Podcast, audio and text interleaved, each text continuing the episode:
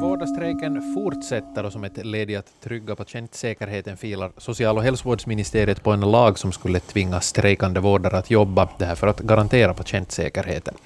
Vad väger tyngre, strejkrätten eller patientsäkerheten? Det ska vi diskutera i Slaget efter tolv idag tillsammans med vårdaren Janne Smeds. Välkommen. Tack, god morgon. Och eh, riksdagsledamöterna Kim Berg från Socialdemokraterna och eh, Veronica Honkasalo från Vänsterförbundet. Välkomna till tack, er. Tack, tack. tack. Jag heter eh, Filip Sten. Eh, ja, vårdstrejken pågår och, och, vi ser nu ännu inga tecken på någon nära förestående lösning i, i varje fall. Eh, Janne Smeds, du, du jobbar på, på Vasa centralsjukhus och där har man nu inte ännu tagit ut vårdarna i strejk, men det, det råder till exempel övertidsförbud. Hur, hur ser du på läget just nu? Jag tycker att det var fel ställt, om jag får vara ärlig, att man kan inte sätta patientsäkerheten mot strejken, för att är ju ingen av oss som vill att patientsäkerheten ska lida. Och, uh, jag kan inte de här fina uttrycken, jag, jag, jag erkänner det direkt, men det är klart att uh, vi ställer ju upp och tar hand om, om patienten, inte är det den enskilda patienten som vi strider mot här, inte, och vi använder inte dem som några schackbrickor heller.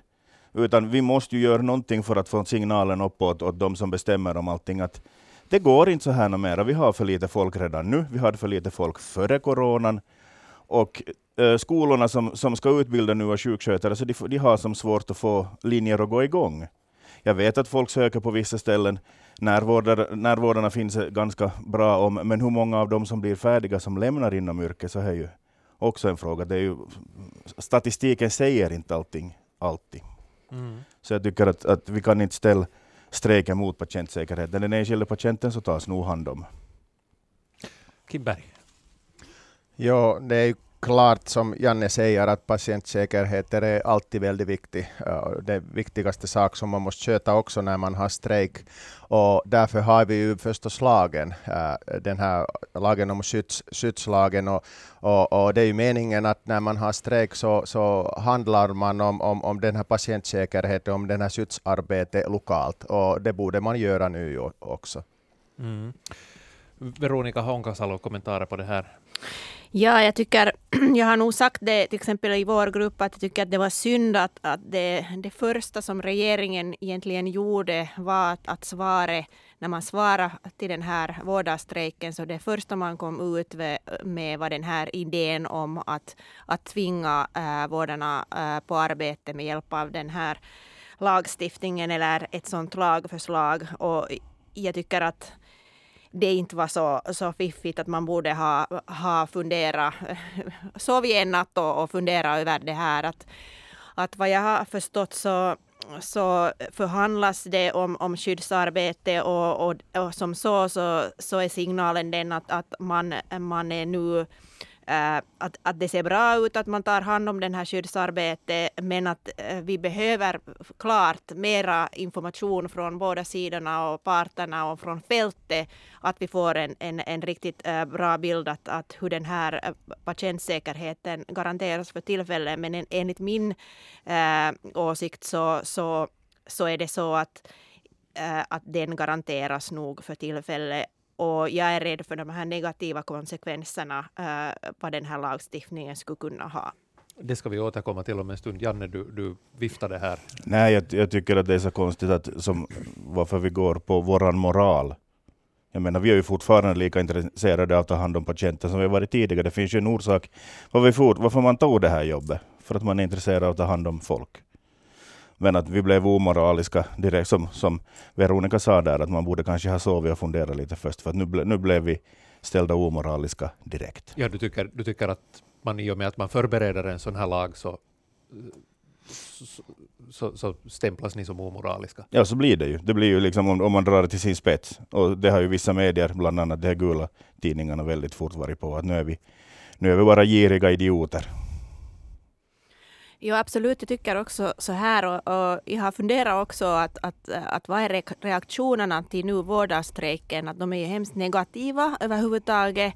Eller, eller hur man eh, äh, förehåller sig till Tehys äh, då ordförande Rytkönen till exempel, att hon är krånglig och besvärlig. Att, äh, är, är den här attityden likadan när det handlar om, om, om liksom, eh, annorlunda branscher. Att, att, att eh, man ser nog också attityderna mot, mot det här vårdaryrket och, och fältet att, att eh, de är, är, är mycket, mycket negativa. Ja, fredagen när, när strejken faktiskt började så då svängde delar av media på en fempenny. Och för våra yngre lyssnare, fempenny var det innan vi hade euro och cent. Vad, vad, vad syftar du på där? Då? Före det så var vi, vi, var, vi var hjältar och vi var det ena och det andra folk. Alltså vi är tacksamma, tror ingenting annat, men folk, folk liksom donerar grejer och stickar strumpor och allt möjligt åt oss. Och, och sådana här symboliska handlingar som i och för sig inte satt några pengar på mitt konto, att man hade Finlandia i huset blått och allting. Så får se vilken färg vi får det nu när alla är arga på oss. Uh, vi, ska, vi ska återkomma till, till den här eh, lagen och, och eh, turerna kring den om en stund, men, men eh, om vi skulle först kunna, kunna prata en, lite om hur vårdarbetet fortlöper nu under den här strejken. Det har ju förekommit exempel på, på till exempel att, att det här skyddsarbetet kanske inte används på alla ställen på, på riktigt rätt sätt, att i vissa fall så är bemanningen till och med bättre nu under, under strejken då man, då man uh, har det här skyddsarbetet än vad, än vad det har varit under vanliga fall. Kimberg? Jo, det här har varit en väldigt svår fråga för oss eh, beslutsfattare också. Och jag har lyft upp flera gånger att vi borde ha någon, någon uh, som skulle hitta egentligen det där rätt rätta, rätta mängder egentligen, hur mycket har vi äh, skyddsarbete just nu. Att, och det, det, de får absolut inte vara äh, en av de här parter som är egentligen i strejk nu eller som förhandlar i förhandlingsbordet. Och, och det är ju väldigt svårt att äh, hitta eller slippa in i siffrorna egentligen, att vilka siffror är de där rätta siffror egentligen. Och det är ju en sak som jag har lyft väldigt mycket fram Äh, I nuläget är det ju mera eller mindre så där att äh, de här över, över läkarna som ansvarar för patientsäkerhet har informerat äh, Avi och Valvira. Och Avi och Valvira har informerat social och hälsome, äh, hälsoministeriet. Och, och, och att, att, att, äh, och därför har social och hälsovårdsministeriet börjat, bör, bör, börja, äh, hur ska man säga, äh, med, med den här lagstiftningen. De har börjat för, förbereda den här lagstiftningen. Och, och, det är väldigt, väldigt svårt för att jag får ju signaler hela tiden från båda sidor. Och de här signalerna är helt äh, annorlunda att, att, att verkligen eh, hitta den där sanningen äh, mellan de här eh, äh, meddelanden som vi får hela tiden. Så det skulle vara, vara väldigt viktigt och därför har jag sagt flera gånger att vi borde hitta no, människor som är inte parter, som skulle egentligen gå dit då, att, att äh, om vi loka, lokalt avtalar om äh, det här skyddsarbetet äh, och vi är inte eniga om, om, hur mycket vi må, behöver folk i sjukhuset äh, och i viss, vissa avdelningar borde man ha någon, äh, äh, hur ska man säga, som är inte part som kommer dit till förhandlingsbord och egentligen äh, gräver ut den där sanningen om bemanningen. Men den här gruppen borde ha funnits redan innan strejken, redan innan coronan. Det fanns avdelningar som stängde eller drog ner på patientplatser redan då för att det inte fanns vårdare. Den gruppen såg vi inte då, den borde vi ha haft redan då. Mm. Det stämmer. Jag, jag tycker absolut det här var en, en, en, ett bra argument. att Man kan ju fundera att om, om liksom patientsäkerheten har uh, varit garanterad också i normala eh, tillfällen. Eh, vi vet att, att hela social och hälsovårdsfältet är underresurserat och, och vårdarna har det väldigt tufft i normaltillstånd också. Och, och jag tycker det är kanske en aning kontroversiellt att man inte har varit lika orolig för den här patientsäkerheten då, att det blir liksom nu en, en så här stor äh, äh, fråga. Äh, och visst har vi fått exempel, till exempel från Nya barnsjukhuset, att där har situationen nu varit, det var väl Yle som kom ut med en nyhet, att, att, att situationen har varit just bättre till och med den här veckan. Och, och det har ju också väckt en hel del irritation att, att man på fel sätt har använt till godo det här skyddsarbetet. Nu för tiden så här i sommartider så jag menar vi sjukskötare så diskuterar ju via, via internet allt möjligt och, och skämtsamt så har ju vissa avdelningar sagt att de skulle kunna strejka resten av millennier för de har bättre bemanning nu än vanligtvis. Så de, har, de mår bra de just nu. Har två eller tre sjukskötare per avdelning mera i bemanningen nu än vad de kan gå vanliga där. Hur, hur tolkar ni det här då, att, att den här säkerheten, eh, patientsäkerheten blir en så mycket viktigare fråga nu under den här strejken, då man, då, då, särskilt då vi också hör att, att man i, i flera fall har då bättre bemanning på, på avdelningarna än under vanliga fall. Ingen snackar om, om att det är för lite eller no, nu pratas det om att det är för lite personal på avdelningarna också annars, men, men det är inte en, en lika viktig fråga då. Kimberg? No, ja, som sagt så äh, patientsäkerheten har varit, var, varit dålig redan länge före strejken också. Det är ju sanningen. Men, men vi har förstås inte prata så mycket om den. Nu när strejken kommer så då brukar det vara så där att, att argumenten kommer, kommer mera fram och förstås media också mera äh, intresserade om, om den här tillfället och, och, och, och därför säkert äh, prata med mera om den här saken. Men det är ju sanningen att vi har haft det svårt redan länge och, och åtminstone jag har ju nog fått äh, signaler före strejken också att, att, att äh, skötarna är väldigt oroliga äh, över den här patientsäkerheten. Så, så det är ju inte någon ny sak, men alltid när, när man är i strejk så börjar det komma mera sådana här signaler från båda parter. Och därför som, som jag sa, så för oss beslutsfattare skulle det vara väldigt viktigt att hitta den där neutral egentligen sanningen mellan de här parternas äh, signaler som kommer ut. Alltså jag vill inte säga att patientsäkerheten har varit dålig. Den har inte varit optimal. Den har inte varit dålig före strejken, men den har, tagit, har vi tagit ur ur sjukskötarna. De har ju hamnat i ett extrajobb, längre dagar. Och det gör man av två orsaker. Man ställer upp för sina kollegor och man ställer upp för patienterna. Men någon gång måste det ta slut. Och det håller på att ta slut nu. Vi får ett nytt gäng ombord. Mm. För att, vem skulle vilja komma och jobba med det här? Jag. jag föll i golvet där var liten. Veronica? Ja, det är absolut så att, att den här patientsäkerheten är också en fråga som väcker mycket känslor. Alla vill ju att, att patientsäkerheten är, är garanterad. Och, och det är också ett, eh, på det sättet ett, ett kraftigt argument som, som man kan då uh, använda. Men vi måste komma ihåg att, att strejkrätten den angår också sjukvårdare och vårdare. Och, och vi måste respektera den här rätten. Ja, annars blir vi livegna. Social och hälsovårdsministeriet motiverar ju nu, nu den här lagen som, som Kim Berg var inne på här, att lagen om patientsäkerhet behövs på grund av att läget börjar vara svårt på många sjukhus, att äh, icke-brådskande ingrepp blir typ brådskande när så pass mycket av vården stannar av i ett sånt här läge. Äh, Kim, eh, det är ju din partikollega, familje och omsorgsminister Aki Lindén, SDP, som är den minister som driver den här lagen. Delar, delar du åsikter, hans åsikter att den, att den verkligen behövs, den här lagen? Jag kan ju säga att uh, hela vår grupp är nog emot den här lagen. Uh, men här är ju det där att uh, minister har ju sitt ansvar som minister.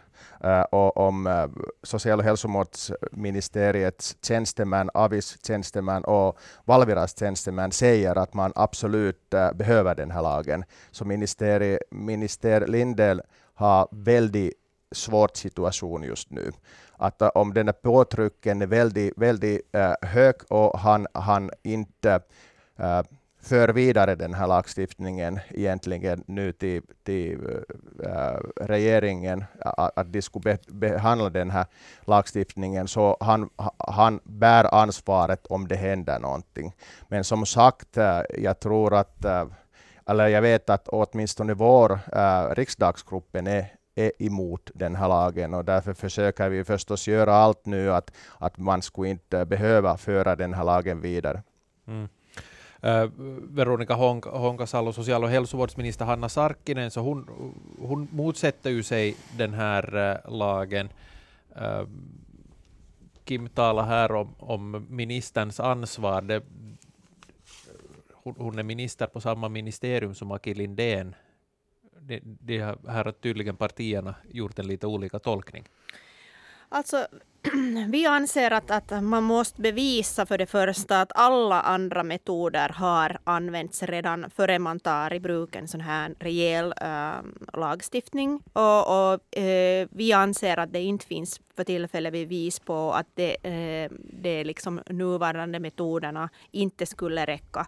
Vi kommer ihåg från äh, coronapandemin att vi fick äh, en hel massa liksom, ny lagstiftning som som också gränsar våra, våra grundrättigheter. Men, men det var jätteviktigt att också då bevisa att allt eh, liksom nödvändigt har gjorts och att det liksom är absolut nödvändigt att, att gränsa de här grundrättigheterna. Det här är en liksom jättestor och principiell och, och grundlig sak. Man ska inte av liksom lätta skäl äh, eh, kunna äh, gränsa en, en grundra, äh, grundlaglig rätt som, som också strejkrätt är. Så, så vi anser att, att som jag sa i början, att, att om man börjar begränsa den här strejkrätten så kan det ha sådana negativa konsekvenser som vi inte ens är helt medvetna om. Grundlagsutskottet fick ju redan 2007 ta ställning i den här frågeställningen att vad är viktigare, strejkrätten eller, eller patientsäkerheten. Då beslöt man att patientsäkerheten är, är viktigare. Uh, Kimber, då, på den tiden så då var du uh, Tehy-förtroendeman i, i, mm. i Vasa. Hur, hur, hur det där ser du på läget nu och läget då?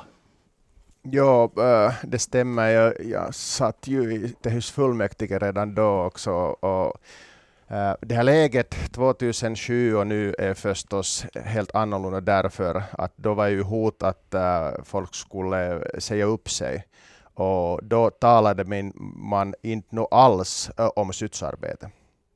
Och nu har man ju lagen om skyddsarbete och nu ger man skyddsarbete hela tiden. Så läget 2007 var helt annorlunda. Om folk skulle ha bara äh, äh, äh, gick, äh, gått bort från sjukhuset och, och, så det skulle ha varit helt annorlunda situation då förstås 2007. Och där, därför kan man ju inte egentligen jämföra precis de här situationerna. Att nu ger man skyddsarbete äh, och man har möjlighet att äh, avtala om skyddsarbete. Men 2007 var läget helt annorlunda förstås.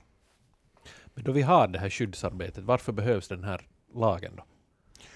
No, det är en bra fråga. Det är en bra fråga och jag anser att man borde, som jag sa där på början, att äh, man borde hitta den där lösningen lokalt via de här, via, via de här parterna. Och om man inte hittar en enlig lösning lokalt, som jag sa, så då, då borde man ha Avi eller någon annan som kommer dit med och hittar den där lösningen, att man kan gå vidare, att man verkligen äh, skyddar den där patientsäkerheten, om det är frågan att, att äh, ena parten tycker att äh, via den här Äh, äh, beha, beha, eller de, via de här förhandlingar äh, säker, säkrar man inte patientsäkerheten. Det måste hända där i lokalt. Janne Smith. Men jag kan ju fundera lite jag också, att var fanns de här tjänstemännen när, när vi från vår sida har, har redan skickat signal, det här fungerar inte, vi är för få, det går inte så här. Då har det inte hänt någonting. Men nu när det kommer från andra ändan, då händer det. Så jag vet inte hur partiska och opartiska de är. Vi har ju skickat signaler uppåt redan länge att vi är för få. Jag tycker också att det här är en, en mycket äh, viktig, viktig fråga. Att jag tycker att man kan också fråga sig att, att varför tar man upp det här, den här, så här äh, rejäla metoder äh, i ett sånt här äh, skede äh, när, när man kan fråga sig om äh, patientsäkerheten har varit äh, garanterad i, i, i normala fall. Och kanske, kanske också skulle, skulle jag hoppa har hoppats att, att politisk politiker skulle ha haft lite mera förståelse också för den här liksom situationen som vårdare har för tillfället. Det är ganska många politiker som säger för tillfället att det är inte politikerna som bestämmer om, om, om liksom lönenivån. Det är visst så, men att det är inte vi som förhandlar om, om det. Men vi ska ta hand om att det finns tillräckligt med resurser för löneförhöjningarna. Och på det sättet kan man nog säga att, att den här lönen som betalas för tillfället är, är allt för, äh, för låg. Janne, du skrattar här i studion. Nej, jag, jag tycker det här med politiker och om de ska vara med en part eller inte, det är ju sandlåda. Hur så? Nej, det är klart att någon måste ju ta ställning till någonting. Nu bollar vi bara fram och tillbaka och kommer ingenstans. Uh, ja, men vi kan fortsätta egentligen på det här med, med, med staten. Uh,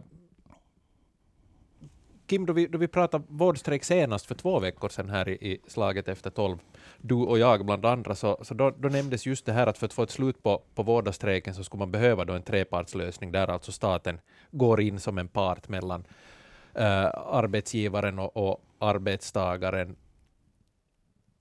Alltså nu, nu, har vi ju de facto sta, staten med som en part här, men, men inte kanske på det sättet som, som man skulle vilja då när man, när man äh, lägger en sån här lag på, på bordet mm. istället. Ja, äh, som jag sa här två veckor sedan så det är ju sanningen att äh, arbetsmarknadsparter är de som äh, förhandlar om lönerna. Men man måste ju komma ihåg att åtminstone nu när, när de här välfärdsområdena börjar så pengar till lönerna kommer från staten. och därför har jag ju lyft upp flera gånger att, att det är ju en del som staten har att, äh, och I nuläget så det, det är ju sanningen att, äh, att för att vi skulle få en lösning på den här frågan så behöver vi pengar. Och det är ju staten egentligen som sist och slutligen betalar också de här löneförhöjningar. Och det är ju därför jag har lyft fram den här trepartslösningen. Och nu är den tiden att staten måste hitta någon lösning och, och komma emot och hitta de där pengarna. Janne? För jag tycker det är intressant det här att det handlar ju inte bara om lönen. Eller lönen är, lönen är, lönen är liksom kärnan till allting. Problemet är ju att det finns inte folk. Och varför finns inte folk? Jo, eh, man får bättre lön med mindre jobb annanstans. Folk skolar om sig, folk hoppar på, utan att förringa på något vis, kassajobb, men man får bättre betalt per insatt timme i en kassa. Eh, folk far till Sverige, speciellt det här Hyky-området här på på, uh, i Österbotten så har kommit till lid svårt av det här. Vi har en ny båt som far till Umeå där uh, bemanningen är bättre, lönen är bättre, förmånerna är bättre. Det tar fyra timmar med båt över dit. Så varför, varför får inte en vårdpersonal sälja sitt kunnande till någon som betalar på, på samma gång som vilken annan arbetstagare som helst gör? Veronica Honkasalo. Jag tycker absolut det är så här att när vi talar om äh, att varför vårdarfältet inte känns lockande så måste vi vara redo att tala om, om också lönefrågan och att, att, att äh, vi måste komma, komma överens om att, att alla måste ha en sån lön som man kan liksom leva ett, ett, ett, ett, ett riktigt liksom bra, bra och, och äh, liksom ett liv med människovärde och för tillfället är det inte så, till exempel om man, om man lever i huvudstadsregionen så, så räcker inte lönen till eh, när bostadspriserna är, är så höga. Och, och, många tvingas just eh, antingen lämna arbete eller sen ta äh, många arbeten. Och, och, det är ju inte alls äh, bra. Vi talar om, om, om äh, människor som, som arbetar och, och, och ändå liksom lever i, i, i fattigdom. Så det här det är viktigt att kunna eh, liksom helt rejält tala om att det handlar om, om lönen och också att, att det här fältet känns inte för tillfället eh, lockande för att det inte finns också tillräckligt med personal. Att eh, på något sätt så känns det att man vill närma sig den här frågan alltifrån några andra perspektiv än att direkt tala om, om lönen. Alltså lönen är grunden till att vi får nya, nya människor dit. Och som som det ser ut nu, skulle jag, mina barn blev lyckligtvis inte inom vården.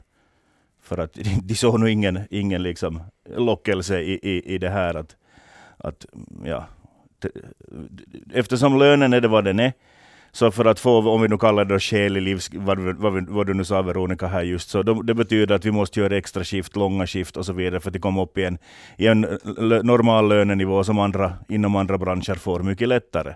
Så på sätt och vis är det ju satt i system.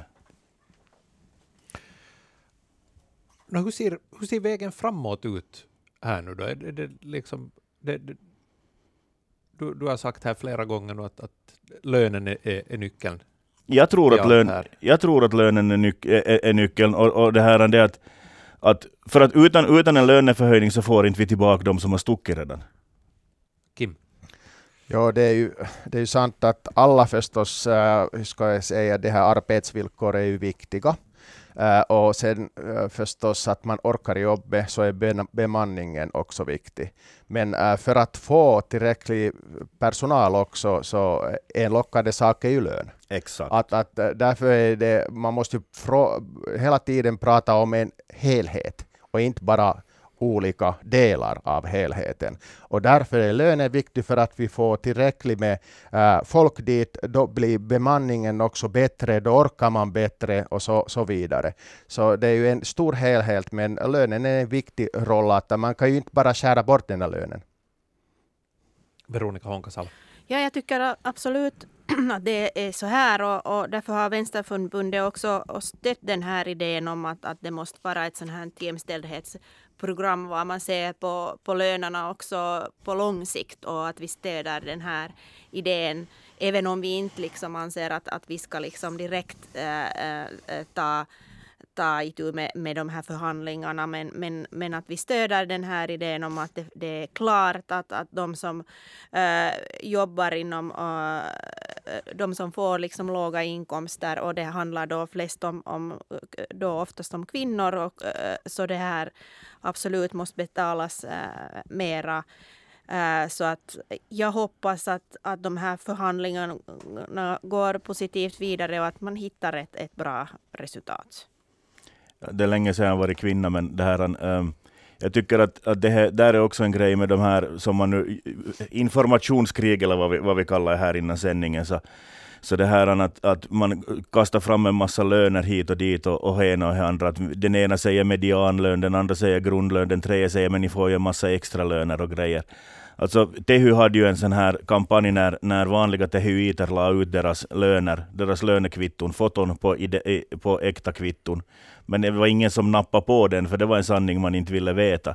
Utan man gömmer sig bakom fina ord som medianlöner och visar att man kan visst ha. Ni ska veta att det är en jättestor skillnad om man jobbar extra i Helsingfors på något sjukhus, jobbar extra skift hit och dit, eller om man jobbar på en läkarmottagning mellan 8 och 4 i Oravais till exempel. Mm.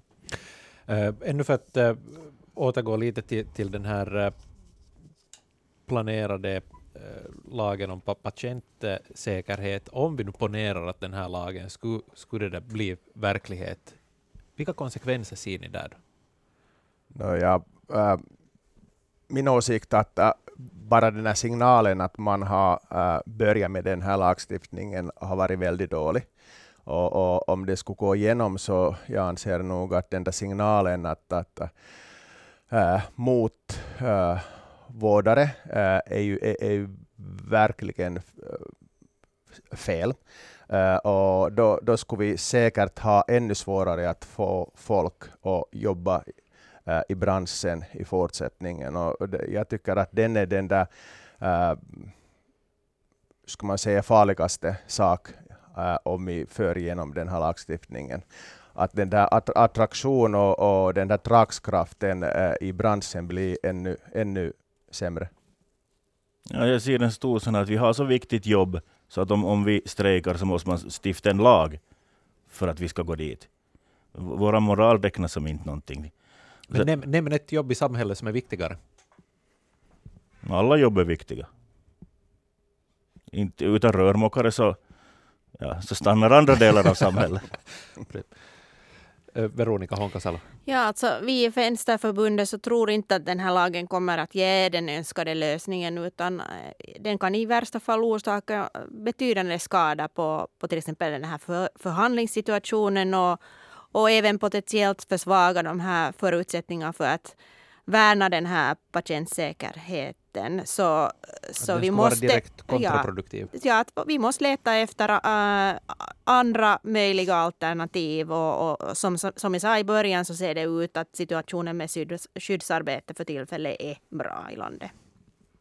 Alltså det jag tänkte säga att vi har ett så viktigt jobb så att vi måste stifta en lag om vi inte går på jobb, men vi har inte ett så viktigt jobb så att man kan betala en skälig lön för det. Det talas ju ofta, särskilt i, i tider av vårdstrejk, att vårdaryrket är ett kall. Jag hatar det ordet. Utveckla gärna. Nej, för det kan man gömma allting bakom. Ja, alltså, man får förklara, men alla visste ju som blev sjukskötare att det du kommer att vara ett dåligt lön. Du måste ju se det som ett kall. När jag bet- försöker betala min matplastpåse vid Sale eller annan butik, så inte får jag ju betalt med ett kall. Nu måste jag ju ta vad jag har i plånboken. Och det här Kalle går inte att gömma sig bakom något mera. För vi har, alltså problemet är inte bara de som, vi som finns där just nu. Problemet är det att om, om några år vi har en pensionsboom även inom det här yrket.